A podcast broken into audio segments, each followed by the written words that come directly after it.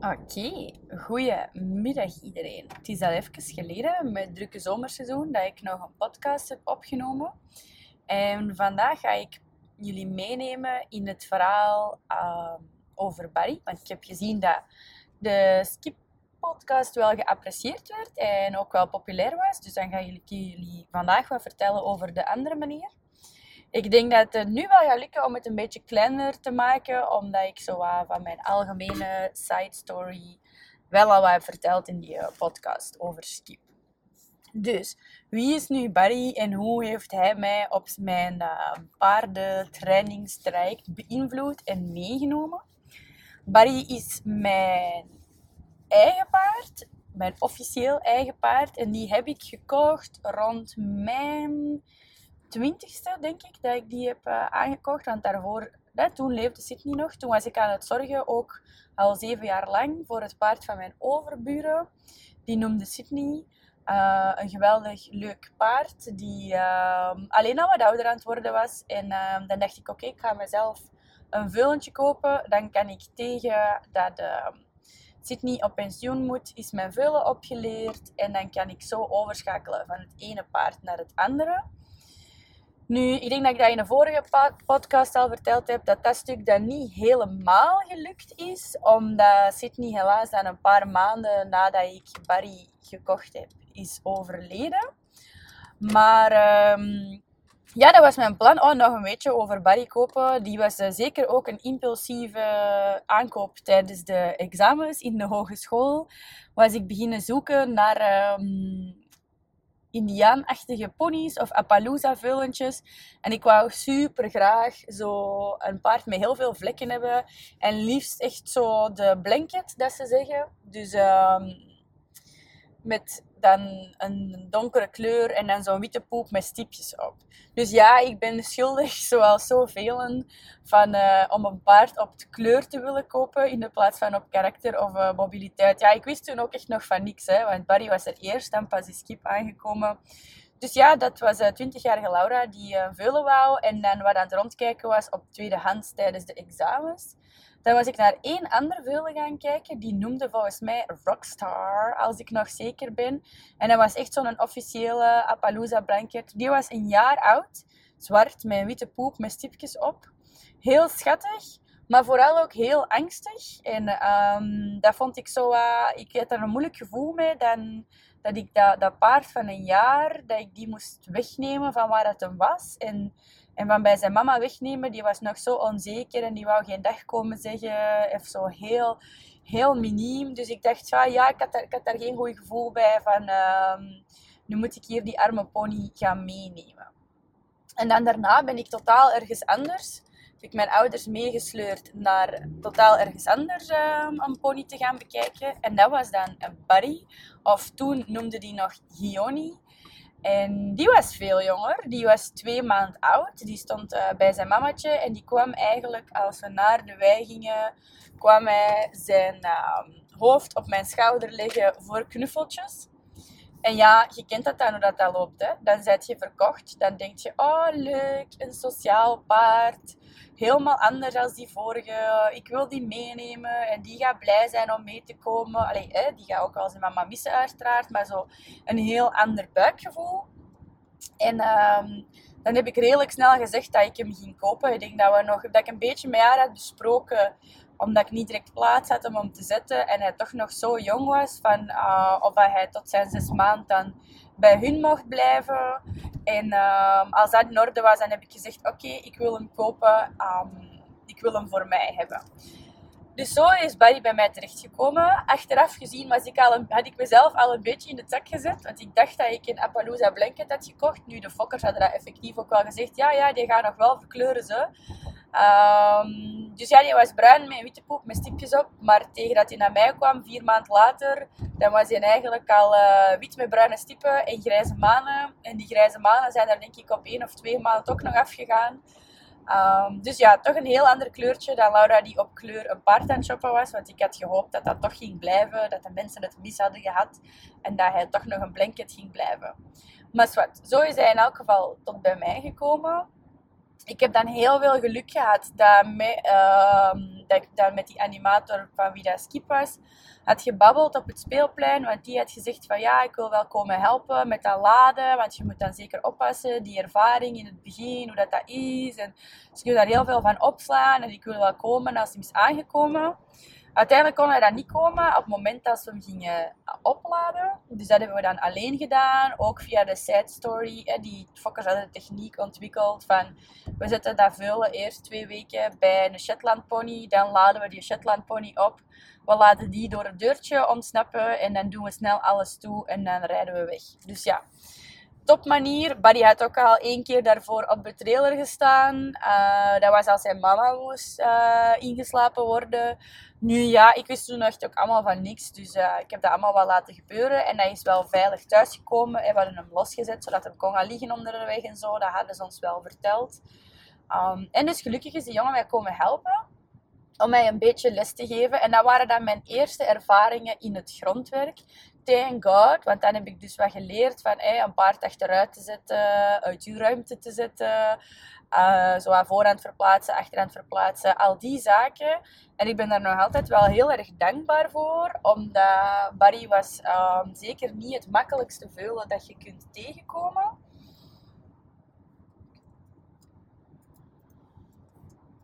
Sorry als het even stil valt. Ik ben niet zeker of mijn laptop nog aan het opnemen is. Ah, voilà.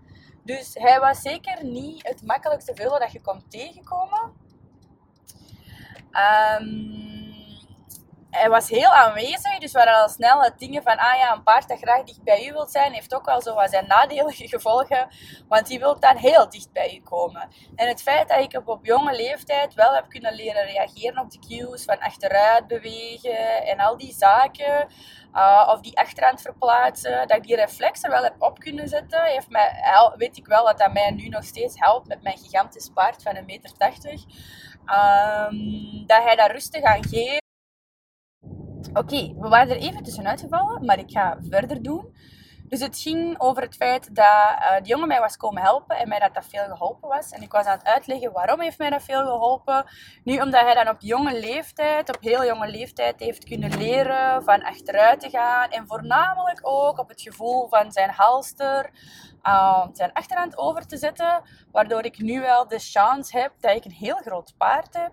Dat wel altijd heel mooi geeft aan dat gevoel van dat contact van dat touwhalster. En dat hij zich dan niet lostrekt en al die zaken. Want Barry, dat ik dan gaandeweg heb ontdekt, is dat Barry een um, zeer helder hoofd heeft van wat hij oké vindt en wat hij niet oké vindt. En dat hij ook zich niet gaat laten uh, doen op dat vlak. Daarom is hij wel ook een leuk paard om een podcast over uh, te maken. Dus ja, dat hebben we dan in het begin met hem gedaan. En ik denk dat dat wel echt een groot verschil heeft gemaakt in wie dat hij nu is. En, en, en, en wat ik nu met hem kan doen. Dus hij is eigenlijk van jonge leeftijd heeft hij al die horsemanship oefeningen leren kennen. Maar wel nog niet de beste versie daarvan. Dat is zo'n beetje een horsemanship versie uh, van bij mij in de regio. Waarbij dat, ja, de typische uitspraak dat de, de paarden er zijn voor de technieken. En niet meer per se echt de technieken voor het paard. Dus hij heeft zowel leren zijn achterhand verzetten en achteruit gaan en zo, maar niet per se op de meest biomechanische correcte manier. En sowieso ook wel wat met te veel druk. Maar dat verplaatsen van die achterhand op het gevoel van zijn touwhalster, dat staat er wel heel goed op, wat dat mij wel veel veiligheid biedt in het buiten wandelen, of toch wel een extra security. Wat hij dus wel ook ontwikkeld had, is dat hij was een heel aanwezig veulen. En uh, hij was heel snel gefrustreerd. En je had dan wel die, die, die uitspraken en die technieken van je moet ze uit je ruimte houden, je moet ze wegzetten, al die zaken, zo, dat, dat ze moeten luisteren, dat ze respect moeten hebben. En op zich deed hij dat allemaal wel, maar hij bleef ook wel altijd terugkomen. Dus bij Barry werken, dat was zo'n spel van je moest heel goed opletten. Ik weet dat ik op een bepaald moment bij de dokter zat en uh, ik moest bloed laten trekken. Ik weet al niet meer waarom. Ik denk voor mij te laten nakijken of zo, omdat ik wat minder energie had. Um, en de dokter zegt: Oei, jij hebt zoveel blauwe plekken. Oeps, het lijkt hier een beetje de dag van um, onderbrekingen te zijn. Ik denk dat ik bij het stukje was, van, dat ik naar de dokter was geweest en dat ik vol blauwe plekken stond. En dat die dokteres al uh, bezorgd was van, oeh, wat is er hier mis met dat meisje? En dat ik dan zei van, ja, maar ik heb een veulen. En gelukkig had zij ook, wist zij van paarden, of had zij ook paarden, ik weet al niet meer wat het was. Dus ze begreep mij meteen, want ik stond dus vol met blauwe plekken, omdat Barry mij uh, zo vaak beet. Uh, dus hij deed die oefeningen wel van de horsemanship, maar altijd met de nodige frustratie en met het nodige weerwoord. En hij kwam ook wel heel veel terug. Maar hij was ook al heel graag bij ons, omdat hij dan wat ik dan achteraf eigenlijk al ook goed ontdekt heb, hè, dat hij, zijn mama was ziek als ze zwanger was. Dus zij had een ontstoken spronggewricht. En um, dat resulteerde in tijdens dat zij zwanger was, dat ze haar niet alle medicatie mochten geven en ook niet op het moment dat Barry nog zoogde of nog dronk. Waardoor dat, die, dat van die mama eigenlijk helemaal kapot gegaan is en dat ze ook op zijn vier maand is moeten ingeslapen worden. Maar ook in een tijd dat hij bij haar stond, dat ze eigenlijk heel veel neerlag. En als ik dan hem ging kopen, dan zeiden de verkopers wel van ja, kijk, maar we hebben daar een ander merrie bij gezet. En uh, die gaat dan de zorg van het moederschap op zich nemen.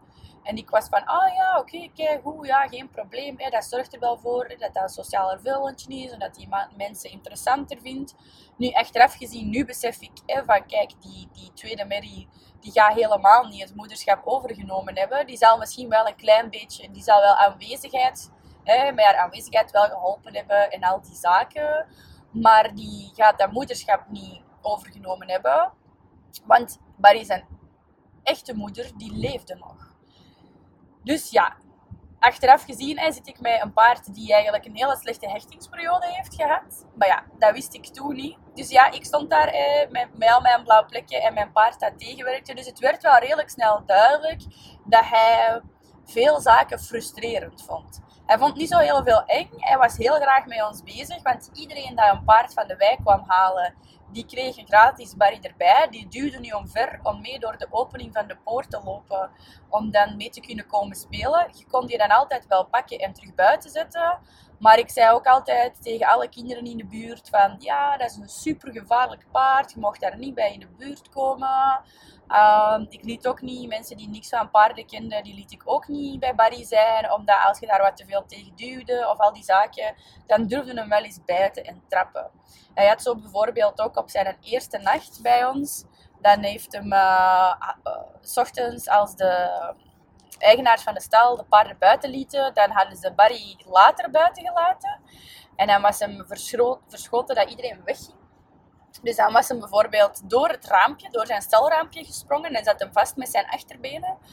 Uh, die had hem tegen dat ze mij waren kwamen halen, had hem die er al wel tussendoor gekregen, maar dan lagen die helemaal open. Dus ja, ik heb zo van die scenario's ook gehad dat ik dan op ja, jonge leeftijd, of als ik hem net had, die benen al moest inzalven en dat dat pikte en pijn deed en zo van die zaken. Dus zo aanrakingen, hij werd wel graag geknuffeld, maar hij vond ook niet alles op en top. En zo heb ik er eigenlijk jaren mee bezig geweest. Uh, we zijn heel veel buiten gaan wandelen ook. Dat was, uh, dat was altijd zo een combinatie van leuk en niet leuk tegelijkertijd. Want in dat buiten wandelen, ik wou hem dan heel graag de wereld laten verkennen. Maar hij was ook wel snel gefrustreerd. Of ik had het idee dat hij het saai vond. Uh, dus dan kwam hij in je haar bijten, hij kwam in je schouders bijten, hij kwam aan die jas trekken. Dus op een duur verzond ik zo van die theorieën van ja, en dan slalommen overal tussendoor. Tussen alle bomen slalommen om hem bezig te houden. Ik denk ook dat iedereen dat met mij mee aan de hand is gaan wandelen, dat die... afgebeuld zijn geweest door wat ze allemaal moesten doen van mij. Van nu stoppen en nu achteruit. En nu stoppen en nu achteruit. Dat was echt, ja, ik, um, mijn verontschuldigingen voor al diegenen dat het hebben meegemaakt. Maar het was dus niet makkelijk. Hè. Zo altijd al die regeltjes toepassen van je moet hem uit je ruimte zetten. Dat is hier met je staart. Wat hij ook deed, was eindeloos um, met dat touw in zijn mond lopen. Dus hij stak dan zijn touwhalster in zijn mond. Um, soms was het zo dat ik het gevoel van hij heeft het zo lastig dat ik dacht van ja, hij is standen aan het wisselen en die zaken. En dan stak ik soms zelf gewoon een tak in zijn mond om een beetje van hem verlost te zijn, zodat hij um, mij minder lastig viel en dat ik mezelf niet continu moest verdedigen. Ik deed ook al mijn sportschoenen aan, zodat ik zeker snel genoeg kon doorstappen, zodat hij... Uh, dat niet de reden was dat ik eigenlijk, dat ik op dat moment ook ontdekt van ja, misschien wandelen wij gewoon met te traag. En met zijn lange benen is dat wel heel erg moeilijk om zo traag te wandelen. Dus ja, ik heb mijn peren daar wel mee afgezien. Um, en, en Oh, ik was dat ik, ik wou nog iets zeggen. Wat ook soms heel moeilijk was, was bijvoorbeeld zijn touwhalster aankrijgen. Die kon dat zo eerst in zijn mond steken en daar echt zo heel lang en hard op kouwen. Je kon ook niet door je vingers mee in zijn mond te steken uh, dat touwhalster loskrijgen. Dat ging ook niet. Dat was echt gewoon wachten. Je kon dat, kon dat proberen uit zijn mond te trekken, maar dat was ook een uh, eindeloos spelletje. Dus dat was gewoon wachten tot hij dat losliet. En dan hopen dat de volgende keer als je het aandeed, dat je het sneller rond zijn neus kreeg. Um, zodat hij, voordat hij het in zijn mond kon steken eigenlijk. En dat is ook echt geëscaleerd naar een moment dat je dat bijna niet meer aankreeg en niet toekreeg. Dat was ook omdat hij toen zo groot was geworden dat zijn touwhalster eigenlijk niet meer paste en dat je dat zo te strak moest knopen. En toen viel mijn Frank van, oh, deze is echt te ver gegaan, het lukt hier echt niet meer goed ik heb hem dan zo wel een keer of, of drie of vier meegenomen naar mijn opleidingen. Om te zien van ja, kunt je mij hier wat bij helpen? Want enerzijds was dat een heel snel gefrustreerd paard dat in de fight ging. Maar anderzijds ook wel een dat heel graag veel deed. Dus op zich kon ik die mijn skip wel goed meenemen. En deed hij dat daar ook niet, um, niet heel slecht.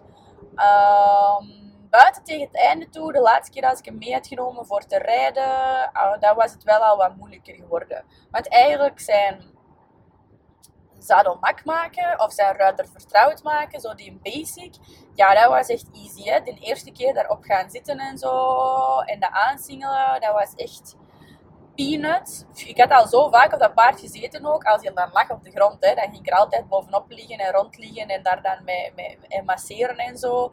Dat je, het enige wat je gek vond, was dat hij mij ineens niet meer moest volgen. En dan, uh, maar hij vond dat echt wel helemaal prima dat ik op zijn rug zat.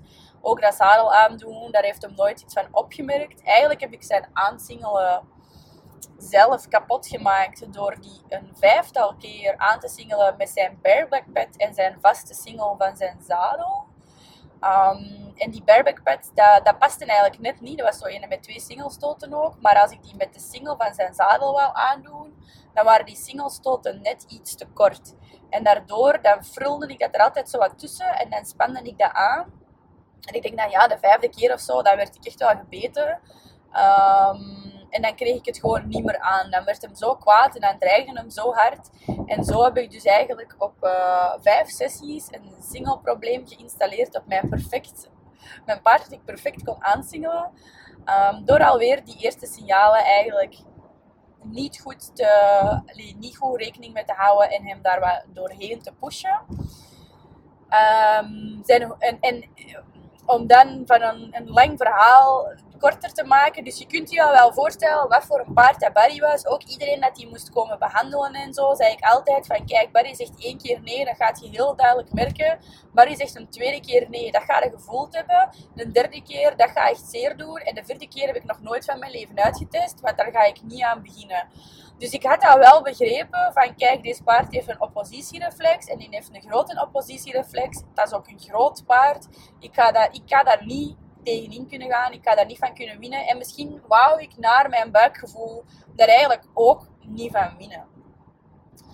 En dan, een van de grootste problemen was ook het hoeven geven. Dat was eigenlijk, ja, in het begin ging dat allemaal prima, maar er is op een bepaald moment een bekapper geweest als ik er niet bij was en mijn mama nog heel erg beginnend in de paardenwereld was. En die vond dat als mijn uh, anderhalfjarig veulen niet flink was, dat het toegestaan was om met een stick te slaan, want een stick is geen zweep, dus daar mag je wel mee slaan. Um, en zij heeft eigenlijk zo hard gevochten met Barry tot ze uiteindelijk ook verloren was en het opgegeven uh, had. En de volgende dag mocht ik niet meer naar zijn benen kijken. Dat heeft ook echt eindeloos lang geduurd. Uh, ik heb dan aan mijn huidige trainers gevraagd voor advies in um, dat hoeven geven. En daar werd dan gezegd de methode van als je een touw, een touw rond de benen zachtjes doet en dan een druk aanhouden en lossen als je u, als ze stoppen met trappen. Nu ja, in eerste instantie was het onmogelijk om dat touw vast te houden. Uh, Barry die trapte daar zo hard in dat ik gewoon echt een meter naar voren schoof of twee meter naar voren schoof. Uh, dus ja, dan dacht ik al, hoe moet ik dat hier doen? Want ik kan, ik kan gewoon niet, niet op de grond blijven staan. Ik kon er wel blijven vasthouden in mijn handen, maar ik vloog gewoon naar voren.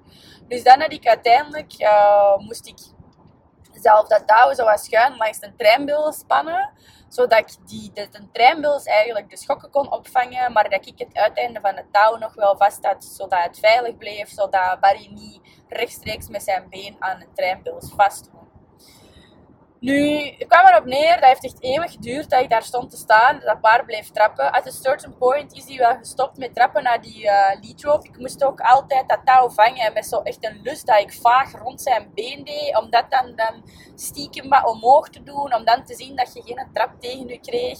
Om dan zo snel mogelijk naar die treinbuls te lopen en dat te blijven vasthouden. Maar Barry die wist goed wanneer dat, touw aan zijn been hong en wanneer niet. En die, als dat touw aan zijn been hong, dan stopte hij wel met trappen en dan kon er wel zoiets van aan zijn voeten doen. Maar uiteindelijk, ja, zonder dat touw aan zijn benen, kon jij die nog altijd niet oppakken. En dan kreeg jij altijd een zachte trap. En als je bleef doorvragen, dan werd die trap wat harder. En dan ben ik eigenlijk ook tezamen met dat vrouw van Skip en zijn introversie ben ik beginnen nadenken. En dat wordt, per beurt werd dat ook moeilijker. En Um, en dan dacht ik, ah, ik heb het zo gehad met mij doodsbang te voelen bij het um, aansingelen van mijn paard. Uh, aansingelen zeker nu bij het hoeven geven van mijn paard. Dat, waarom kan ik dat niet gewoon leuk maken voor hem? Dat dacht ik. Waarom kan ik dat niet gewoon een toffe oefening van hebben? Want ik, ik wil niet meer bang zijn elke keer als ik aan mijn paard zijn hoeven moet komen. Want dat, dat, dat van die hoeven dat had zich ook echt helemaal doorgetrokken tot... Um, ja, dat iedereen dat je moest behandelen als er platen van zijn spronggevricht moesten gepakt worden. Zo al die zaken, die vertrouwde gewoon niemand aan zijn benen. En dan uh, ben ik dus met voerbeloning beginnen prutsen. Uh, ben ik zo aan beginnen spelen met het concept van ja, ik raak je benen aan, ik geef je een koekje in een bak, denk ik. Uh, echt nog totaal zonder enige vorm van, van systeem, alleen maar op buikgevoel, maar ik had niks opgezocht of zo van die zaken. Um, maar ik, ik wou het dan wel zo laagdrempelig doen, zodat ik mezelf ook wel veilig voelde. En ik had wel al, mijn idee mijn hoofd was wel al van, ja, kijk, zolang hij het niet leuk vindt, dan heeft het ook geen zin dat ik daar een snoep voor geef. Dus ik had dat wel stap voor stap geshaped, maar ik had zo niks van brugsignaal of zo gebruikt. En um, dan heb ik wel beginnen merken dat dat echt wel een heel groot verschil voor hem was. En dat ik zo stilletjes aan terug die benen mocht borstelen, eraan mocht komen. En dat ik dat wat heb terug kunnen opbouwen naar hoeven geven. En dan ben ik zo, tezamen met mijn buikgevoel voor skip, ben ik dan wat in de wereld van positieve reinforcement gedoken of geduikeld. En dan ben ik dat meer en meer gestructureerd beginnen toepassen op Barry. Um, naast het probleem van zijn hoeven geven, hè, dat ik dan die counter association daarmee aan het doen was, uh, had ik ook wel ontdekt dat mijn paard werd altijd beschreven als een, uh, een extrovert paard met snel bewegende voeten, die dat je creatief bezig moet houden tijdens je sessies. Zodat ze met genoeg spel en al die zaken, um, dat enkel als zij willen rustig stilstaan, dat zij mogen stilstaan. Maar dat voor de rest, als zij terug de beweging initiëren, dat jij ze dan bezig moet houden en verschillende oefeningen aan elkaar moet doen, alles niet te lang doen, creatief zijn.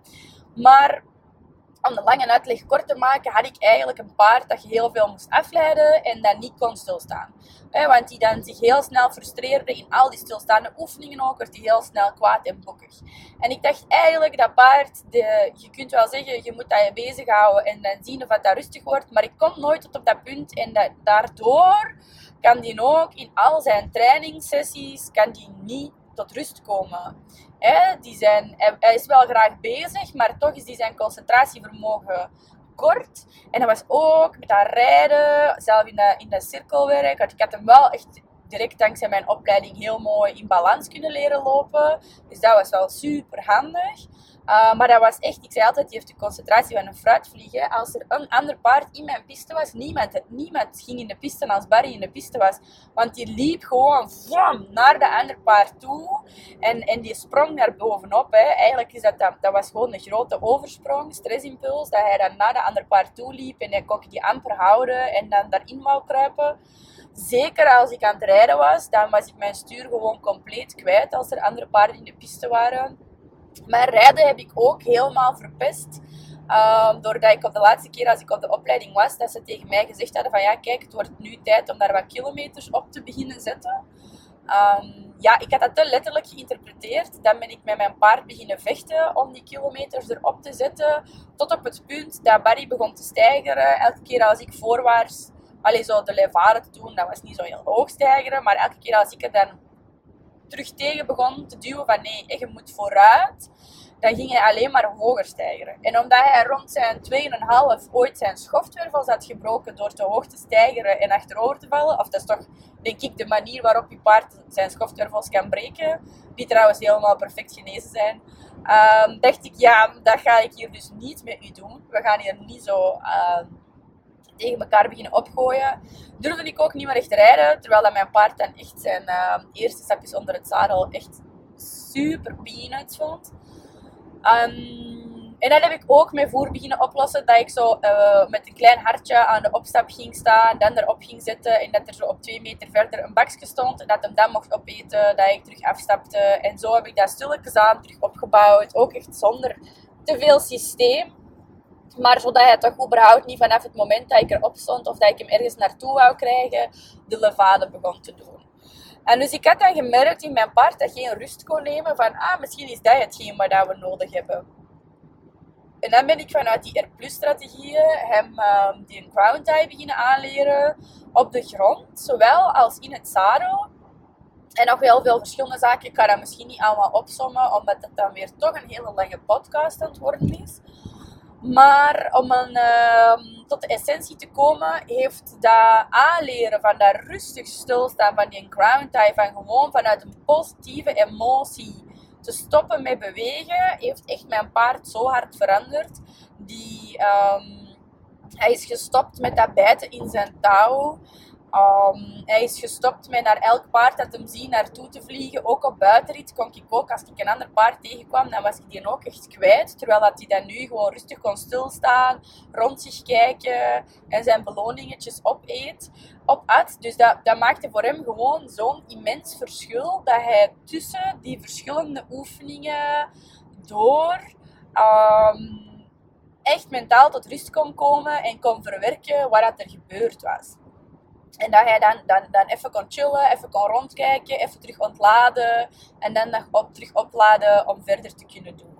En zo heb ik dan eigenlijk zijn rijden terug beter kunnen maken. Heb ik ook ontdekt dat ik hem veel beter kon rijden zonder uh, teugels dan met teugels. Want dat paard was gewoon ongelooflijk duidelijk in wanneer ik wou sturen, maar met mijn zit iets anders deed.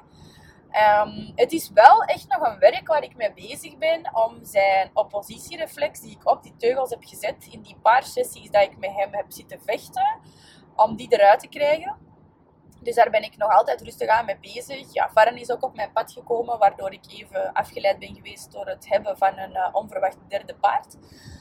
En uh, Skip is ook altijd mijn, mijn, mijn, main project geweest. Ik ga er ook niet oneerlijk over zijn. Um, daar heb ik veel meer mee getraind dan met mijn lieve Barry. Maar dus in elk geval, hij is gewoon ontzettend veel veranderd. Dat hals eraan doen, dat gaat nu ook echt dankzij die positieve reinforcement, dat gaat vanzelf. Die doet zijn hoofd naar beneden. Je moet niet meer vrezen voor die leven. Uh, of toch, ik zie niet meer blauw. Dat is echt zelden dat ik... Uh, nog eens genepen wordt. Ik denk dat nu echt al, al dat dat misschien nog twee keer per jaar is of zo. Terwijl dat, dat vroeger echt gewoon de normaliteit was. Dat je bijna twee keer per keer dat je met hem werkte, gepitst werd. Uh, ook al kende hij zijn achteruit en zijn voorhand verplaatsen heel goed. Uh, dus ja, dat, dat maakt wel echt een heel groot verschil voor die emotionele mindset. Dat hij gewoon mee kon denken. Um, dat ik ook zo de tijd heb gekregen om alles wat hij lastig vond te counter-associëren. Dat, die aansingelen terug in orde te krijgen. Want dat was ook, als dat niet gaat. Hè, Barry is ook een als hij pijn heeft, hij heeft ook 100% gelijk. Hè, dan gaat dat niet. Hè. Dan krijg je die niet opgezaaid. Dan krijg je die niet aangesingeld. Dan kijkt hij een keer boos. Ik heb dat ook mijn, mijn tussenstapjes voor nodig had om te leren van... Nee, Laura, je moet het er niet uitklikken. Hij heeft gewoon last, laat hem nakijken en zal het hem gewoon binnen twee weken terug op. Um, maar ja, dus nu vindt hij die hoeven geven. Ik heb uh, eergisteren nog alle drie de paarden gedaan. Mijn zus haar paard, de Whisper, de Skip en Barry zijn hoeve. En Barry was de flinkste van de drie. Dus dat is echt zot. Want dat was eigenlijk wel een uh, waar dat ook uh, veel mensen niet de hoeve durfden opgeven. Ik heb ook al, mij lang niet meer horen zeggen dat je moet oppassen voor Barry in de wei. Zowel nog een klein beetje, maar ik, ik heb geen, geen schrik meer dat hij nog per ongeluk mensen gaat dooddoen of pijn doen. Ik ben ook heel zeker dat hij de reden is dat ik met Farre kan doen wat ik doe. Omdat ik wel echt geleerd heb van kijk, je probeert iets uit. En als het niet werkt, werkt het toch niet. Uh, Farre is daar nog dan 300 keer sneller in, in hoe snel dat hij escaleert. Terwijl dat Barry dat eigenlijk, als je die twee vergelijkt, nog heel rustig laat zien. Maar uh, ja, dat was zo'n klein beetje mijn verhaal. Van hoe ik dan met die extroverte en met paarden dat in de oppositiereflex gaan. Dat ik echt wel geleerd heb van kijk, er is altijd een andere manier om naar Rome te gaan. En ik heb zo'n ook gelijkaardige paarden aan hem al opgeleid van begin af aan. En dat is kei leuk om te zien hoe ver dat die nu al staan. Die staan ook effectief verder dan mij en Barry, omdat we al die chaos hebben kunnen voorkomen. Omdat ik, ik weet gewoon hoe snel dat fight-reflexen en vechtresponsen op paarden kunnen komen staan. En hoe lang dat je ermee bezig bent met dat eraf te conditioneren. En als ik dan nu zie naar die paarden die zo de gelijkaardige optie tot valkuil hadden. En dat gewoon al echt gewoon relaxed door de piste kunnen rijden en mooi in balans en al die zaken. Dan, dan ben ik gewoon zo blij over dat traject dat hij mij heeft meegenomen. En um, waar dat wij eigenlijk allemaal uit kunnen leren. Dus uh, ja, dat was een beetje ons verhaal. En dan uh, hoor ik jullie wel verder in de volgende podcast. Laat zeker weten of uh, het weer interessant was vandaag. Oké, doei doei!